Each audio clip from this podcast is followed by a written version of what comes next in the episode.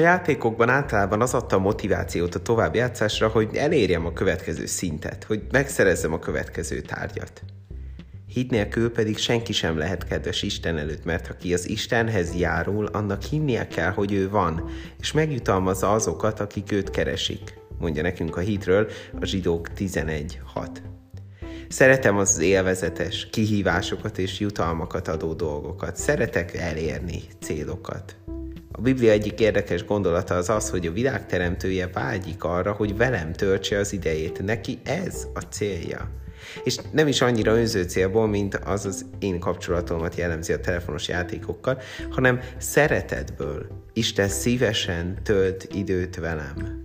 Viszont ehhez nekem is fel kell mutatnom valamit, hitet. Meg kell bíznom benne, még akkor is, ha nem látom. Ki kell mondanom, elhiszem, hogy te velem akarsz lenni. És én ezt megtisztelem azzal, hogy veled töltöm az időmet.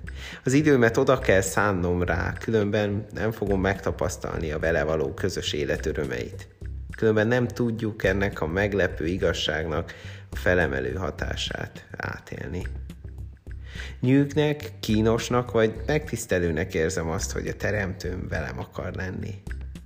Hogyan tölthetnék ma időt vele? Imádkozok azért, aki úgy érzi, hogy Isten vele biztos nem akar együtt lenni. thank you